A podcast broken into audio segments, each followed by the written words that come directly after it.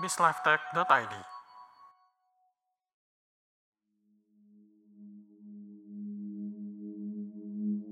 ...21 Mei 2019, saya merilis podcast pertama saya. Judulnya waktu itu Evident, sekarang namanya Mencoba Idealis Podcast. Keputusan ini saya ambil setelah saya resign dari perusahaan saya bekerja. Nah, waktu itu saya nggak merasa bahwa pekerjaan yang saya lakukan itu memuaskan. Saya nggak punya waktu buat keluarga, hidup hanya dari gaji ke gaji, dan selalu ada yang kosong gitu di diri saya kayak hampa. Karena sebagian besar hari saya saya habiskan di kantor. Saat itu muncul berbagai pertanyaan di benak saya. Seperti apakah kehidupan saya akan seperti ini selamanya, hidup tanpa mimpi, tanpa tujuan, saya juga bertanya, ada nggak sih potensi dan keahlian yang memang saya sudah miliki yang bisa saya manfaatkan untuk mendapatkan uang lebih, sehingga uh, saya bisa mendapatkan kehidupan yang saya mau. Logika saya sih mengatakan bahwa semua itu bisa dicapai. Selama kita berusaha, pasti kita dapat hasilnya kan. Karena itu dengan berbagai macam pertimbangan tentunya, saya memutuskan untuk berpodcast agar dapat berkarir sebagai podcaster dan menghasilkan penghasilan dari situ tentunya. Tapi, satu tahun enam bulan sudah berlalu, lebih dari 300 episode sudah saya keluarkan dan sampai detik saya rekaman hari ini, belum ada spesial pun yang masuk dari podcast saya. Dengan kata lain, gagal total. Secara objektif, ada banyak faktor yang menyebabkan kegagalan tersebut. Uh, kualitas podcast, pemilihan topik, gaya bicara, marketing yang dilakukan, dan lain-lain. Namun tetap, uh, saya merasa bahwa bukan itu sebenarnya akar permasalahannya. Sehingga saya memutuskan untuk berpikir, berbicara dengan orang-orang yang memang sudah melakukan podcast, dan membaca beberapa buku yang memang terkait dengan usaha dan juga bisnis. Akhirnya saya mencapai satu kesimpulan. Faktor terbesar kegagalan saya, akar dari semua permasalahan yang saya sebut barusan, adalah kesalahan saya dalam memaknai apa arti dari uang dan menjadikan uang itu sebagai target utama saya. Kenyataannya adalah bagaimana cara kita memaknai uang akan membentuk pola pikir dan juga strategi kita dalam mendapatkan uang tersebut. Dan itu juga akan menjadi faktor yang menentukan seberapa besar kita bergantung dengan keberuntungan dalam apa pun usaha kita. Mari kita mulai dengan membahas definisi dari uang. Berdasarkan definisi kata, uang adalah alat yang digunakan orang untuk membeli barang dan membayar jasa. Dengan kata lain, uang hanyalah sebuah alat. Jadi peribahasa yang mengatakan bahwa uang adalah sumber dari segala kejahatan kemudian bahwa uang mampu merubah karakter seseorang, tentu tidak valid berdasarkan definisi ini. Namun kenyataannya kan kita tidak melihat uang sesimpel itu. Contohnya saat kita melihat seseorang yang sangat kaya raya, kita bertanya-tanya gitu. Berapa banyak hak orang lain yang telah diambil oleh orang ini untuk mendapatkan kekayaannya? Kemudian kita juga mempertanyakan cara apa sih yang sudah dia gunakan dan seberapa kotor cara yang dia gunakan. Semakin kita tidak mengenal orang ini, semakin sulit untuk kita berpikir positif terhadap orang yang memiliki kekayaan yang luar biasa. Artinya sebenarnya buat kita uang itu adalah sebuah nilai, sebuah value. Saat kita melihat seseorang yang sangat kaya, kita menilai mereka dengan mempertimbangkan apa value yang sudah orang itu ciptakan. Rasa kebencian, rasa iri hati, dan juga hinaan yang muncul terhadap orang ini muncul karena kita tidak merasa value yang orang ini berikan selayaknya dihargai dengan begitu banyak uang. Pemikiran ini terbentuk dengan alasan yang cukup logis menurut saya. Kebanyakan dari kita itu pegawai yang bekerja untuk orang lain. Uang yang kita miliki saat ini kita dapatkan dari gaji pekerjaan kita di mana gaji kita dinilai berdasarkan value kita di mata pemilik perusahaan. Sebagai contoh, seseorang yang memiliki pekerjaan sebagai digital marketing tentu memiliki gaji yang lebih besar dibandingkan dengan seseorang yang bekerja sebagai office boy. Terlepas dari seberapa besar usaha, seberapa banyak keringat yang dikeluarkan, kenyataannya siapa pun bisa mengerjakan pekerjaan office boy. Artinya semakin mudah peran kita digantikan, semakin rendah juga gaji kita di mata pemilik usaha. Walaupun begitu, pada dasarnya semua gaji itu memiliki prinsip yang sama. Kita dibayar sesuai dengan waktu yang kita berikan untuk perusahaan, dan bagaimana kita memanfaatkan waktu kita itulah yang membedakan value kita di mata perusahaan. Itulah mengapa kita merasa waktu kita telah terbuang sia-sia saat kita mulai membenci pekerjaan yang kita lakukan. Di momen inilah kita biasanya merasa bahwa kita ingin menghabiskan waktu kita untuk melakukan sesuatu yang berharga. Sesuatu yang hasilnya bisa kita banggakan, namun juga memberikan kita pemasukan yang tentu lebih dari sebelumnya. Kemudian tadi di awal saya juga mengatakan bahwa masalah lainnya adalah menjadikan uang sebagai target utama. Pendapat saya adalah jika kita ingin mendapatkan uang yang lebih, sebenarnya kita harus berhenti untuk mengejar uang dan mulai mengejar masalah. Karena uang adalah value dan cara terbaik untuk meningkatkan value kita adalah dengan menjadi solusi atas masalah yang ada di market. Ada tiga kunci yang menurut saya baik untuk kita perhatikan dalam perjalanan kita memulai bisnis kita dalam bentuk apa pun. Pertama, masalah yang ingin diselesaikan haruslah nyata dan penting untuk diselesaikan saat ini. Yang kedua, solusi yang Anda ciptakan harus terskalakan. Dan yang ketiga, bisnis harus diciptakan dengan memikirkan bentuk masa depan. Nah, kalau hanya mendengar tiga hal ini kan sebenarnya terdengar mudah. Namun pada praktiknya sering kali kita tuh salah dalam melaksanakan tiga hal ini. Maka mari kita coba bahas satu persatu ya. Yang pertama yang dimaksud dengan masalah yang nyata dan penting untuk diselesaikan adalah masalah yang memang dialami. Kalau bisa memang ada datanya dan butuh untuk diselesaikan dengan segera. Masalah itu tuh sebenarnya menentukan posisi kita di market kalau dalam bisnis properti ada istilah location, location, location, lokasi, lokasi, lokasi. Sangat penting untuk kita menentukan lokasi tempat kita akan membangun properti kita, karena dari situlah kita dapat menentukan untuk apa properti kita dapat digunakan, sehingga harganya bisa disesuaikan. Dalam bisnis, posisi memiliki arti yang serupa dengan lokasi dalam bisnis properti. Di mana kita menempatkan bisnis kita, di mana kita memposisikan bisnis kita. Karena dari situlah kita dapat menentukan fungsi dari bisnis kita di mata calon pelanggan atau pengguna. Contoh terbaiknya adalah dengan melihat perbandingan antara Apple dengan Microsoft atau merek laptop beros Windows lainnya lah. Entah itu Asus, Lenovo, terserah. Walaupun mereka berdua sampai pada produk yang serupa, tetapi perbedaan posisi mereka memberikan kita alasan yang berbeda juga untuk membeli produk mereka. Apple bertujuan untuk melawan status quo, untuk berpikir berbeda dan memuaskan hasrat kita untuk terus mengkonsumsi. Sementara Microsoft bertujuan untuk membantu kita menyelesaikan masalah kita lebih cepat dan lebih efisien sehingga kita dapat meningkatkan produktivitas kita. Kemudian posisi mereka juga akan menarik orang yang berbeda dari sisi kepribadian, lingkungan asal, kebutuhan, pekerjaan, dan lain-lain. Ada ucapan seperti ini dari seorang marketing yang bernama Simon Sinek. Untuk mengerti bisnis, kita harus mengerti manusia.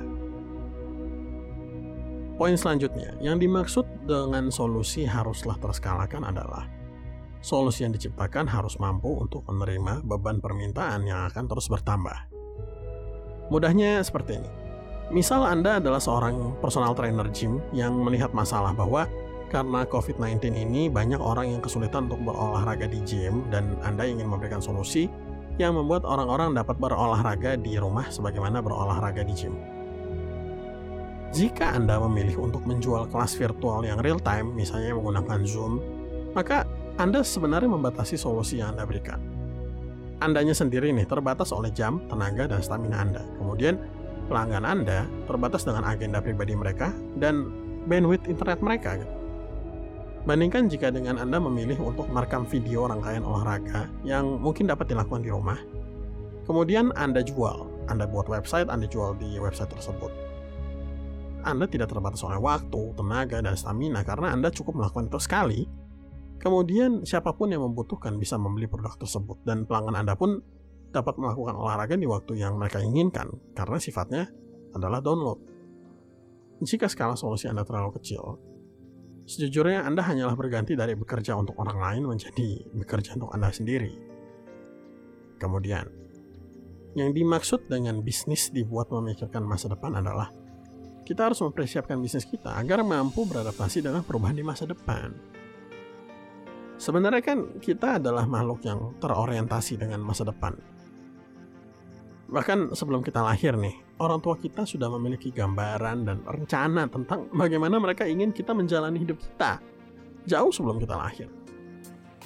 Hanya saja anehnya kita tidak menggunakan pola pikir ini dalam bisnis kita entah dengan alasan mempertahankan kualitas, menjaga esensi solusi, atau mungkin kita ingin mendapatkan keuntungan sebesar-besarnya saat ini, kita menjadi fokus kepada apa yang terjadi hari ini dan melupakan apa yang mungkin terjadi di masa depan. Memang sulit untuk dapat memproyeksikan masa depan. Tidak hanya kita harus memiliki pegangan atas masa kini, namun kita juga harus mampu melihat ke belakang dan menyimpulkan berbagai kejadian yang membawa kita hingga masa kini. Kembali kepada contoh rencana orang tua kita. Mereka menggunakan pengalaman hidup mereka untuk memproyeksikan masa depan kita. Mulai dari tantangan apa yang pernah mereka hadapi, bagaimana cara mereka hidup hingga kini, dan ini yang paling utama, penyesalan atas apa yang tidak mereka lakukan gabungkan itu dengan semua pengetahuan mereka akan dunia saat ini, maka kita akan mendapatkan rencana mereka untuk kita. Tentu itu tidak sempurna ya. Bagaimanapun banyak hal tak terduga yang tidak dapat diprediksi seperti COVID-19 yang menghantam seluruh dunia di tahun 2020. Tetapi kenyataannya adalah kita masih hidup saat ini dan apa yang kita miliki saat ini sedikit banyak datang dari keberhasilan dan kegagalan mereka dalam merencanakan kehidupan kita. Untuk membuat bisnis kita mampu beradaptasi di masa depan, kita harus mulai memperlakukan bisnis kita selayaknya darah daging kita sendiri. Baik, saya rasa cukup berbicara tentang teori. Sekarang ada baiknya kita berbicara tentang kenyataan dan secara spesifik saya akan mengambil contoh tentang startup. Di momen saya merekam episode ini, sebuah drama Korea berjudul Startup baru saja selesai tayang. Drama ini memiliki efek yang luar biasa besar, hampir semua orang membahas, dan rasanya tidak mengada-ngada jika ke depannya akan banyak bermunculan startup-startup baru yang menawarkan berbagai macam solusi. Namun kenyataannya, data menunjukkan bahwa pada tahun 2020, 90% startup baru itu bangkrut dan gagal melanjutkan usahanya. Tentu faktor pandemi COVID-19 sangat berpengaruh, tetapi statistik yang dibuat oleh Bureau of Labor Statistik ini juga memperlihatkan bahwa lebih dari 50% startup tidak akan bertahan di tahun keduanya. Terlebih hanya 40% startup yang mendapatkan keuntungan dari usahanya, dan lebih parahnya lagi, dalam 15 tahun, kemungkinan sebuah perusahaan startup untuk tetap bertahan adalah satu banding 10. Berdasarkan data tersebut, jelas ada permasalahan yang dimiliki oleh startup-startup tersebut. Nah, untuk melihat penyebab permasalahan ini, sebenarnya kita harus melihat bagaimana cara kita mengajak satu sama lain berpikir dalam perjalanan kita sebelum memulai sebuah bisnis yang bentuknya bisa bermacam-macam, entah itu podcast, entah itu YouTube, entah itu startup. Biasanya proses berpikirnya itu dimulai dengan urutan seperti ini. Yang pertama, kita harus mengenali motivasi diri kita. Kemudian, kita harus menemukan nih, apa sih keahlian dan pengetahuan yang saat ini kita miliki. Yang ketiga, kita harus mencari tahu hal yang bisa kita lakukan dengan menggunakan keahlian dan pengetahuan. Nah, seandainya kita terus berusaha, kita akan semakin mahir. Nah, kalau kita semakin mahir, orang-orang juga akan mulai melihat kita. Dan kalau orang sudah mulai melihat kita, uang pun akan mengikuti. Akhirnya, kita akan mendapatkan apa yang kita inginkan. Sampai sini sudah terlihatkah masalahnya? Nah, untuk memperjelas, saya akan menceritakan sedikit tentang awal mula saya berpodcast ya. Jadi, saya adalah seseorang yang senang untuk berinteraksi dengan banyak orang. Mimpi saya itu memiliki pekerjaan di bidang yang membantu banyak orang. Saya juga ingin mendapatkan pekerjaan yang membolehkan saya untuk memiliki banyak waktu dengan keluarga saya dan tentunya tetap mampu menafkahi mereka. Orang-orang di sekitar saya menganggap saya sebagai seseorang yang mahir berbicara. Jadi kalau saya berbicara, semua orang akan mendengarkan. Nah, saya jadinya berpikir bahwa memang mungkin podcast ini adalah jalan saya gitu ya. Uh, sebuah takdir. Dan saya berjanji kepada diri saya sendiri, jika saya memulai sebuah podcast, saya tidak akan menyerah untuk meraih mimpi saya gitu. Seperti apa pun hambatannya di depan nanti. Kemudian dari situ saya mulai membuat rencana bagaimana saya ingin mencapai tujuan akhir saya dan semua hal itu saya lakukan dengan giat setiap hari, semua demi masa depan yang lebih baik. Hingga saya tidak sanggup lagi menerima kegagalan saya. Saya mulai untuk mempertanyakan keputusan saya. Mulai kebingungan, kehilangan arah, kehilangan kepercayaan diri, bahkan atas keahlian saya sendiri. Karena panik, saya mulai lagi semua proses ini dari awal. Berharap kali ini saya menemukan jawaban yang benar. Berharap bahwa kali ini usaha saya akan membuahkan hasil. Berharap bahwa saya tidaklah membuang-buang waktu belaka. Maka muncul banyak perasaan, perasaan tertekan, cemas, ragu. Dan semua perasaan itu terus menghantui saya dalam perjalanan saya yang berikutnya dan berikutnya. Hingga pada akhirnya saya sadar bahwa saya sudah terjebak dalam sebuah lingkaran setan tanpa akhir yang hanya akan membawa saya kepada dua pilihan Apakah saya akan menjustifikasi seluruh kegagalan saya dengan menyalahkan orang lain? Atau saya memilih untuk berkompromi dan menghilangkan semua impian yang ingin saya miliki? Sekarang terlihat jelas kan masalahnya. Penyebab utama dari kegagalan demi kegagalan startup-startup atau apa pun jenis usaha yang kita lakukan adalah kegagalan kita dalam melihat kebutuhan pasar dan kegagalan ini muncul karena metode kita yang kita gunakan adalah metode bottoms up, dari bawah ke atas. Kita memulai dari ide apa yang kita miliki, skill apa yang saat ini kita miliki, apa yang ingin kita lakukan, dan dari situlah kita membentuk sebuah solusi, sebuah usaha, sebuah bisnis. Sebelum kita mencari tahu apakah ada kebutuhan akan solusi tersebut. Maka wajar saja jika solusi yang kita ciptakan sangat bergantung dengan faktor keberuntungan. Nah, kenyataan ini sebenarnya tidak ingin saya sampaikan untuk mengecilkan semangat kita untuk berusaha, bahkan jauh dari itu. Kenyataan ini justru memperkuat argumentasi akan kepentingan tiga kunci bisnis yang tadi sudah saya jelaskan.